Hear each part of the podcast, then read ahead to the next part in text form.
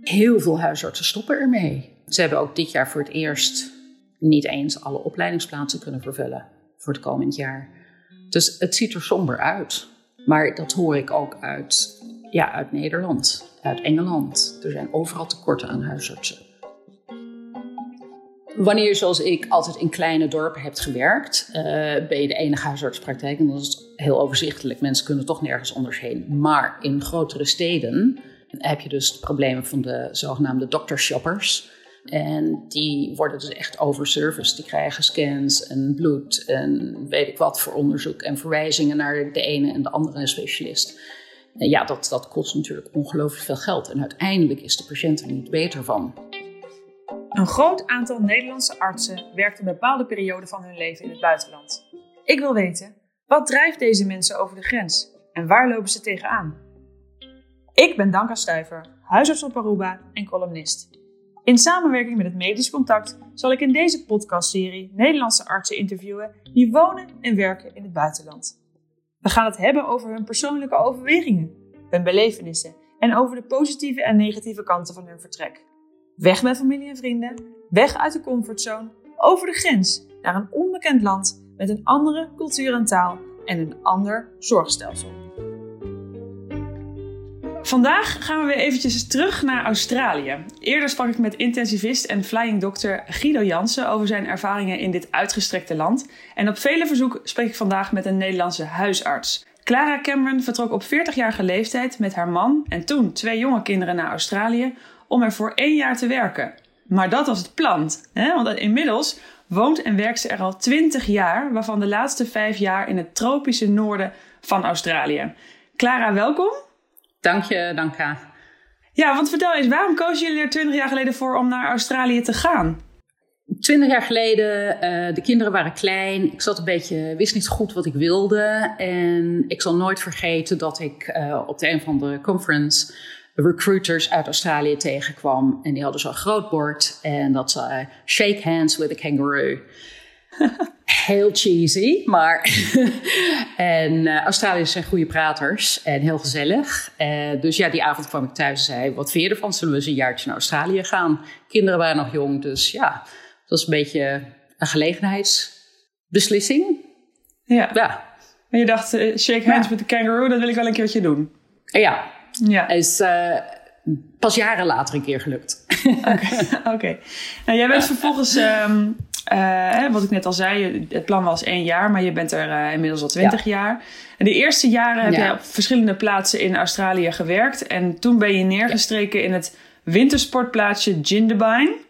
Um, ja. Om te beginnen, wat is dat voor een plek? Ja, so Jindabyne is in New South Wales. Um, het ligt ruwweg midden tussen Melbourne en Sydney. Het is in de Snowy Mountains en daar zijn de skigebieden van New South Wales. Het is echt waar, je kunt skiën in Australië. Er zijn bergen, er is een heel groot meer. Het is een klein geïsoleerd dorp, 4000 inwoners. Maar in de wintermaanden, tussen juni en september, groeit dat aantal mensen naar zo'n 25.000 in op de hoogste van het seizoen. Wauw. In de tijd dat ik er zat, uh, waren we de enige huisartspraktijk en is geen ziekenhuis daar. Dus we hadden onze praktijk toch wel ingericht op uh, wat meer emergency dingen, grote behandelkamer, ons eigen röntgenapparaat. Ja, wel heel bijzonder. Ja, ik kan me voorstellen dat je daar sowieso vaak een wintersportleed hebt gezien, natuurlijk, met gebroken polscel en misschien nog wel erger. Maar ja. neem ons eens, um, neem de luisteraars eens mee. Hè? Wat is een herinnering die je is bijgebleven van, uh, van die tijd daar? Ja, natuurlijk zijn er de, de, de, de wintersportongelukken. De snowboarders die aan het eind van de dag bedenken dat ze toch wel een hele pijnlijke pols hebben. Maar gedurende het jaar is er natuurlijk de gewone huisartsenzorg. En er is, zijn heel veel uh, boeren, farmers uh, in het gebied eromheen. En uh, wat ik me nog goed kan herinneren is een van die oude mannen die daar, al, die daar geboren en getogen is. Die uh, met zijn schoen vol met bloed aankwam. hij was die middag aan het houthakken geweest en had de bijl in zijn voet geslagen. Was naar binnen gegaan, had een paar biertjes gedronken en was toen toch maar naar de praktijk gekomen. Die man hebben we toch maar doorgestuurd. Een bijl in voet is niet helemaal iets wat wij in die huisartspraktijk gingen doen. Nee, nee, maar dat heeft wel alles te maken met de manier waarop daar de huizen verwarmd uh, worden, hè? begrijp ik. Ja, ja, de meeste mensen stoken erop hout. Ja. Ehm, ja, hout is gewoon vrij. Is, is, je, je gaat de bush in en dan uh, hak je hout voor de hele winter. En uh, ja, het is niet helemaal goed voor het milieu, denk ik trouwens. Maar goed, over je huis verwarmen. Dat betekent dus als je uh, in de winter, wanneer het gewoon echt koud is daar, dan uh, word je midden in de nacht wakker en dan is het huis koud. En dan moet je weer een stuk hout op het vuur leggen, zodat het huis enigszins warm blijft. En smiddags uit school komen was het de taak van de jongens om het hout binnen te halen en het vuur op te porren. Ja, dat is toch anders dan in uh, Almere, waar je gewoon de thermostaat op 21 graden zet. Ja, zeker. heel, heel ander leven, ja. ja. ja. Heb je nog, ja, heb, zijn er nog andere herinneringen waarvan je denkt, die wil ik nog delen met de luisteraar die, uh, die bij zijn gebleven? Een van de beste herinneringen die ik heb aan, aan Jindabyne is het zorgen voor de Joey's babykangoeroes, want er zijn er heel veel van. En daar, uh, ja, daar zorgden wij voor.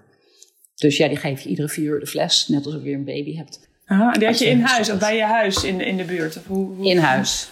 In huis in principe, want die, ja, die zitten alleen maar in een buidel. Mm -hmm. En later, als ze ietsje groter worden, dan uh, hoppen ze door de tuin en eten ze gras. Maar ja, en hoe, hoe, kwamen die dan bij jullie terecht? Um, dan ben je lid van een, uh, van een organisatie. En je moet er een cursus voor doen, et cetera. Een soort vaste parents, maar dan voor uh, kangoeroes. Ja, maar dan voor kangoeroetjes, ja. ja. En die heb je dan een jaar in huis en daarna moet je ze vrijlaten. Ja. En dat is net alsof je je eigen kinderen het huis uit laat gaan. Ja? Oh. ja. ja, dat is wel heftig, ja. Ja, um, ja. even weer terug naar, naar jouw, jouw werk als, um, als huisarts daar. Want jij werkte daar als praktijkhouder, hè?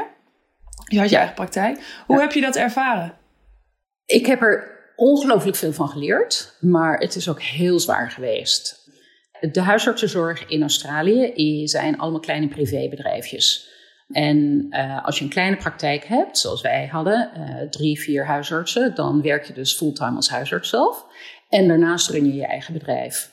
En uh, dat betekent dat je in feite zeven dagen per week aanstaat het hele jaar door.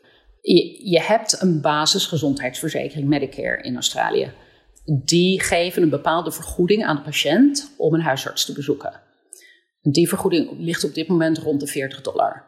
Het geadviseerde consultprijs is 80 dollar.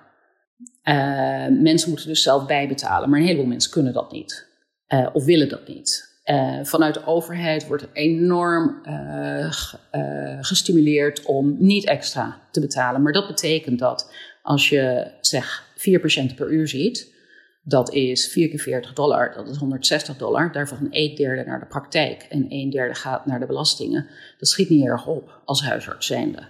Mm Zo, um, je inkomsten als huisartspraktijk komen dus uit de directe patiëntenzorg. Dus ja, er is altijd zorg over of uh, huisartsen wel genoeg rekenen en genoeg afdragen en of je genoeg patiënten door de deur krijgt, et cetera. Ik denk dat het belangrijk is om te snappen dat, dat, dat in Australië er zijn eigenlijk geen patiënten op naam. Dus als wij, zoals wij in Nederland als huisartsen kennen, dat er een abonnementstarief is. En dat ja. uh, je alleen per consult dan nog een soort van uh, extra vergoeding krijgt. Maar de, de, de, de, bulk van de inkomsten voor huisartsen in Nederland komt uit, komen uit die abonnementstarieven. En in Australië is het een fee for service eigenlijk. Hè? Dus alles wat je daar doet, um, ja, krijg, je, krijg je voor betaald. Dus per consult, per ingreepje, maar ook um, per verrichting, hè? Per, per ECG of een urineonderzoek. Ja. Alles dus dan wat je is, doet, daar krijg je precies, voor betaald. Ja. ja. Want, dan, dan, ja, want die 40 dollar per consult uh, kan natuurlijk voor Nederlandse huisartsen klinken. Nou, dat is veel meer dan wij krijgen. Hè? Want in Nederland is dat 10 euro voor, voor een consult. Maar ja, als je daar inderdaad alles van moet betalen, dan blijft er toch ja. relatief wat minder over. Ik denk dat dat heel belangrijk is om, om, um, om het verschil te, te, te begrijpen. Ja. En wat ik me afvroeg, als je geen patiënt op naam hebt Um, mm-hmm. Hoe is dan de continuïteit van zorg geregeld?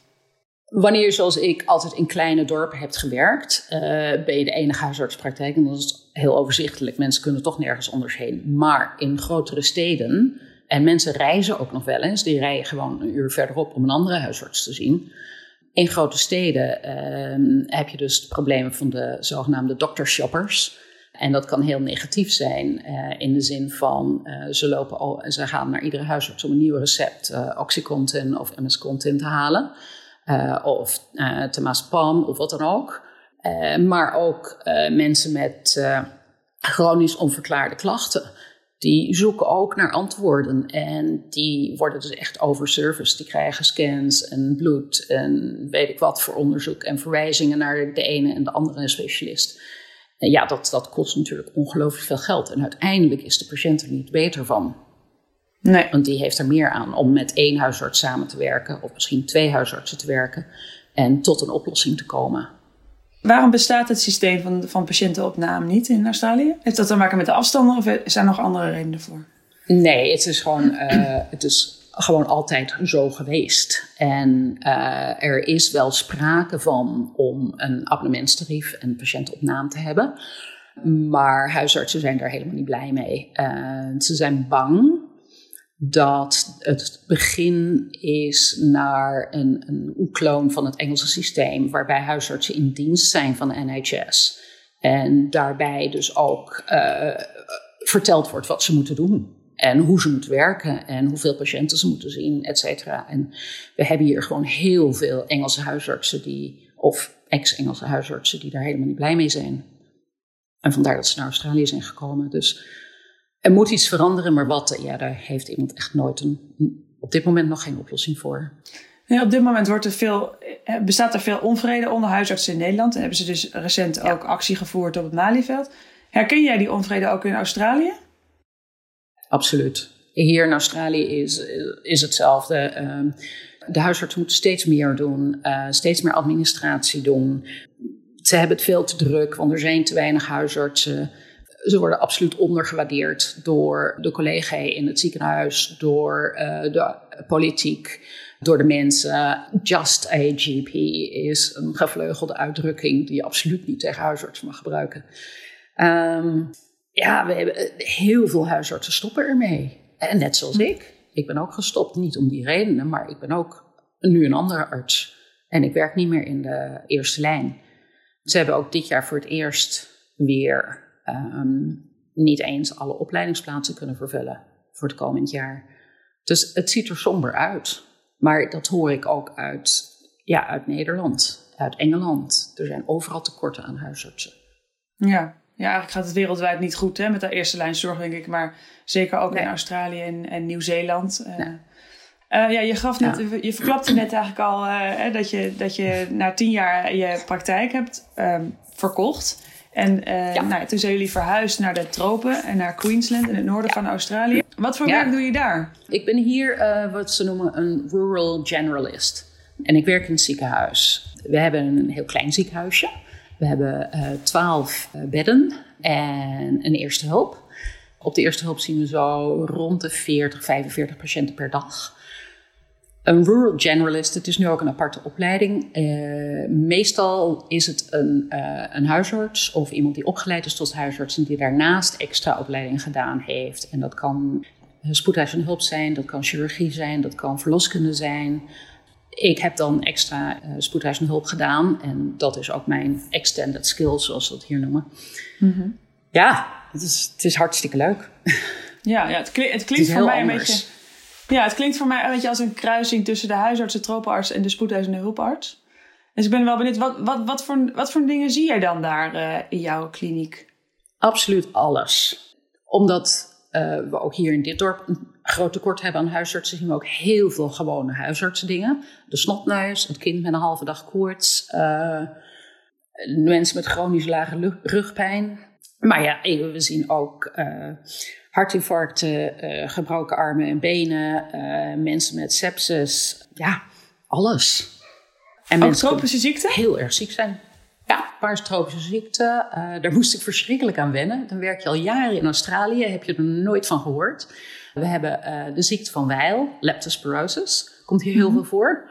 De jellyfish stings natuurlijk. We wonen hier in de, aan de tropische zee. Dus die heb je ook. En dan heb je ook een hele vage milioid. Het, is het komt alleen hier in het noorden van Australië en PNG en ik geloof ook Indonesië voor. Ik weet niet helemaal zeker. Um, maar ja, mensen worden, dat, dat zijn sporen die in de uh, tropische natte grond zit en die, mensen, en die uitgebreid abscessen veroorzaakt. En als je dat niet snel genoeg ontdekt, dan uh, ja, overleven mensen dat niet. Dus uh, ja, geen malaria. Ja, het is heel gevarieerd, heel gevarieerd. Heel leuk ook. Wat ik me afvroeg, je zit er daar dus met, met vijf um, andere artsen. Run je eigenlijk dit, nou, ik noem het een ziekenhuisje, want uh, dit, het, het, hangt eigenlijk samen tussen een huisartspraktijk, maar ook een klein ziekenhuis met twaalf bedden. Ja. Doe je daar ook verloskunde? Dat is niet de bedoeling. We hebben geen officiële uh, verloskundige afdeling. We hebben ook geen uh, operatiekamers. Uh, maar af en toe dan ja, komt er toch iemand binnen die besloten heeft dat de baby bij ons geboren moet worden. Of die zo nodig thuis moesten bevallen. en dat lukt dan niet. En dan worden ze toch angstig en dan komen ze maar naar Masmen. En ja, dat is eng. Het is gewoon hartstikke eng. Ik heb in Nederland, uh, toen ik daar nog werkte en als jonge arts, heb ik heel veel verloskunde gedaan. Ik vind het een geweldig vak. Maar ja, ik, ik vind helemaal niks hier. je moet je voorstellen dat, dat ja, ik ben al die vaardigheden kwijt. De verpleegkundigen die weten er niks van. We hebben uh, één verloskundige die alleen maar uh, antenatal en, doet en geen bevallingen meer doet. Dus ja, en je komt gewoon in hele enge situaties terecht. We hadden uh, niet zo lang geleden een vrouw die haar eerste kindje kreeg en dat lag in stuit. En dat ging ze dus lekker thuis doen, notabene. Thuis hm. met haar tante die vroedvrouw was en die heel veel ervaring had in stuitbevallingen. Ja, en dan komen ze naar ons toe omdat, het, uh, omdat ze toch uh, angstig wordt. En dan is er meconium en dan is er niet vorderend. En dan zie je opeens alleen maar een voet. En ze weigerden om naar kerns overgebracht te worden vreselijk. Ja. ja. Uiteindelijk is het goed gekomen. Uiteindelijk is ze naar Kerns gegaan. En omdat tante zei dat het goed was. En is men een seksueel goed bevallen. Maar ja, ja. zolang ze bij ons in het ziekenhuis is, ben ik daar verantwoordelijk voor. Ja, dat is alleen maar heel spannend. Ja. Was, het, was het ook, want jij hebt mij in het voor, voorgesprek verteld over de, over de indigenous bevolking, dus de, de oorspronkelijke bevolking die graag kind op eigen ja, eigenlijk bodem krijgen. Ja. Dat, uh, dus dat was heet het, on country. Ja, precies. Was dat ook uh, bij deze dame het geval? Dat dat de reden was waarom nee, ze... Nee, okay. nee, dit was een uh, niet-indigenous dame. Um, ja, we hebben ook een, flinke populatie hippies, zullen we maar zeggen. Oké, okay. ja. Ja, maar voor de... Met voor de... allerlei uitdagingen. Maar voor ja. indigenous mensen, um, die willen graag, zoals het heet, on-country bevallen. Want dat geeft uh, de baby een directe connectie met je eigen land. Uh, je eigen stukje Australië. En daardoor ook de verantwoordelijkheid over dat stukje land. En uh, ja, die komen dan gewoon binnen. Maar meestal zijn dat niet de griezelige bevallingen. Dat gaat gewoon, punt. die, die komen en die krijgen een kind en dan is iedereen blij. Ja, precies. Ja, ja, ja. maar ja, het is, het is niet de bedoeling dat ze hier bevallen. Nee.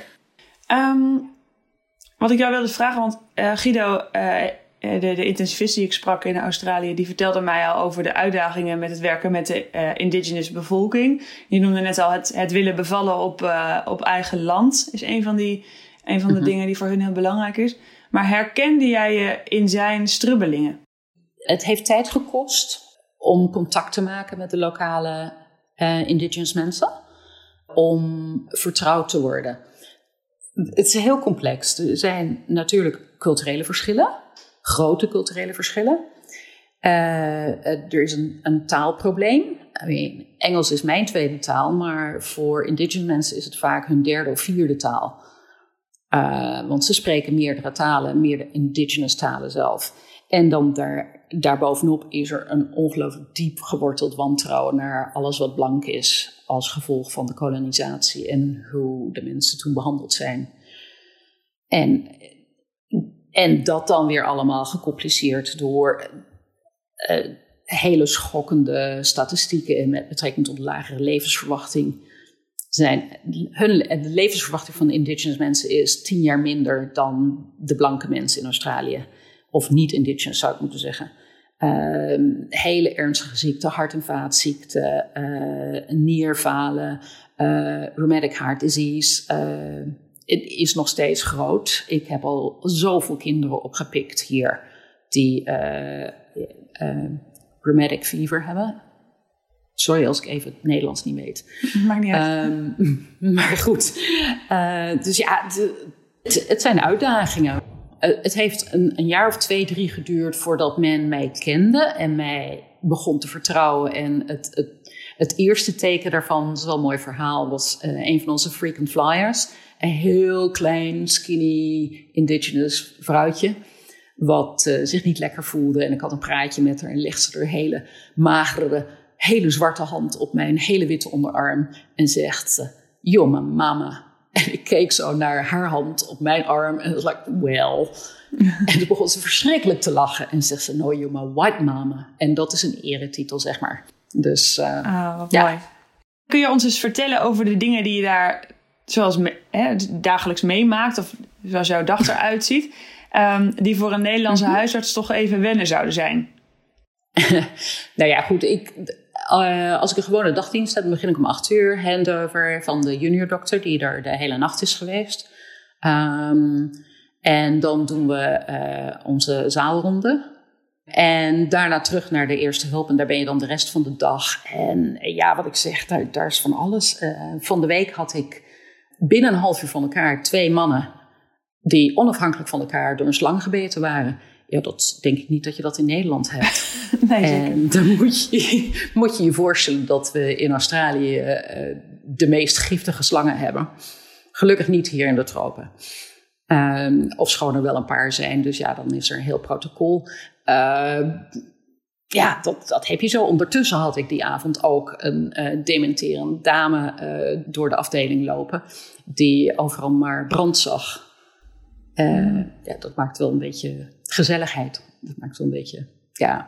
Ja, wat zie je nog meer? Uh, de tropische ziekte natuurlijk. De, wat, ik, uh, wat we ook heel veel zien is cellulitis, cellulitis. Mm. Een huidinfectie. waar mensen toch heel erg ziek van worden. En dat gaat heel snel. grote abscessen. ja, de rheumatic fever had ik al genoemd. dat zie je in Nederland natuurlijk niet. En jonge mensen met hartinfarcten. Uh, we hebben één vrouw van voor in de dertig, die heeft er nu drie of vier gehad. En dat is een indigenous dame. Ja. Uh, ja, jellyfish stings, geen krokodillenbijten. Die zien we niet.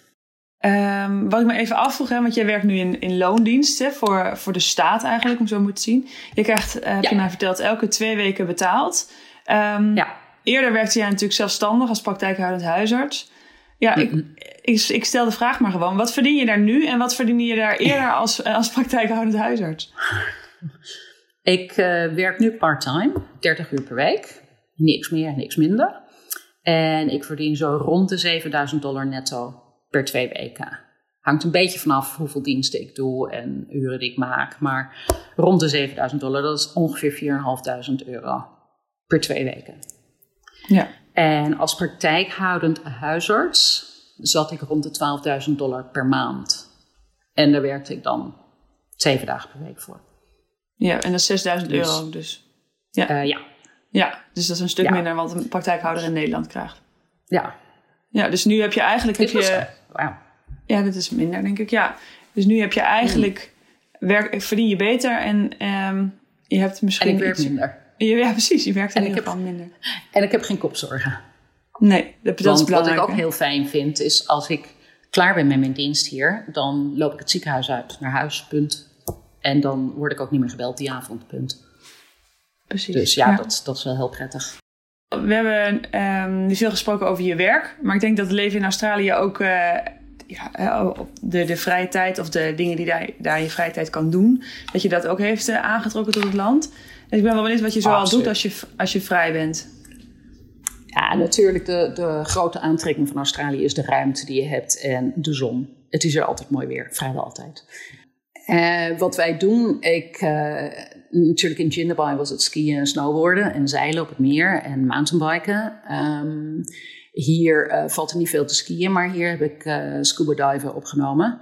Dus uh, ja, ik ben heel veel onder water te vinden. En verder uh, uh, trekken we erop uit met onze grote four-wheel drive en onze tent. En ontdekken we mooie plekjes ver weg van iedereen.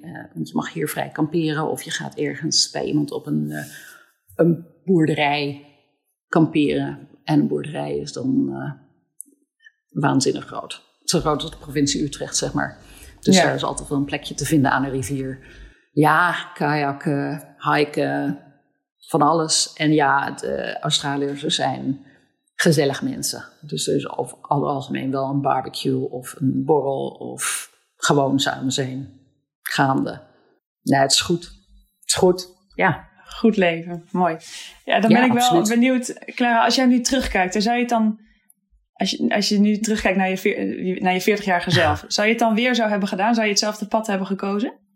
Ah, weet je, werk, qua werk gesproken, is het geweldig. Ik zou niet meer terug willen naar Nederland als huisarts. Qua uh, toekomst voor de kinderen denk ik dat we nog steeds een goede keuze hebben gemaakt. Maar het kost wel wat. We zijn toch heel ver weg van familie. En uh, ja, dat is verdrietig. En uh, hele goede vrienden, vriendinnen in Nederland, waar het contact toch mee verwaterd is met sommigen. En dat is, dat is verdrietig. Uh, kan niet anders zeggen. Um, ja, en uh, nu bevind ik me dan ook op een punt waarbij ik één zoon hier in Australië heb en eentje die in Europa woont. Dat is ook niet handig. Maar goed. Ja.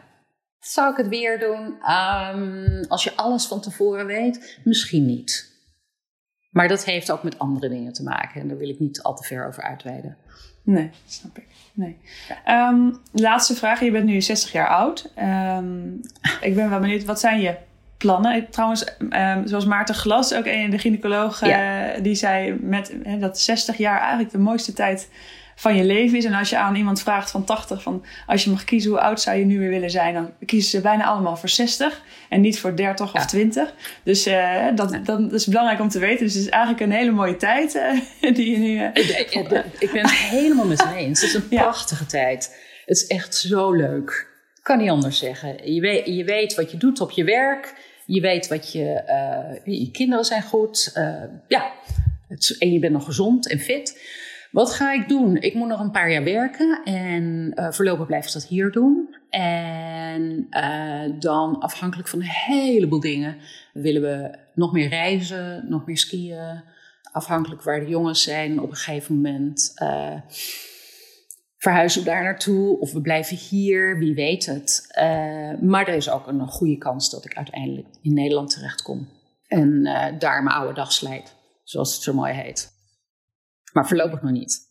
Nee, voorlopig nog even in Australië blijven. Ja, absoluut. Ja. Oké, okay, nou dankjewel Klaar ja. voor dit gesprek. Dank jou. En hiermee kom ik aan het einde van deze podcast. Ik sprak vandaag met Clara Cameron, die tien jaar werkte als praktijkhoudend huisarts in Australië en inmiddels alweer meer dan tien jaar als rural generalist in het tropische noorden van Australië. En de volgende keer ga ik in gesprek met niet één, maar met twee artsen, namelijk met een radiologenkoppel. Ik spreek met Lucas Smagge, een Nederlandse interventie-neuroradioloog die 2,5 jaar in Duitsland werkte, en met zijn vrouw Vera Kel, een Duitse neuroradioloog die inmiddels alweer twee jaar in Nederland woont en werkt. Heb je naar aanleiding van deze podcast vragen, tips of zou je het zelf leuk vinden een keertje mee te doen? Mail dan naar redactie.medischcontact.nl. Graag tot de volgende keer.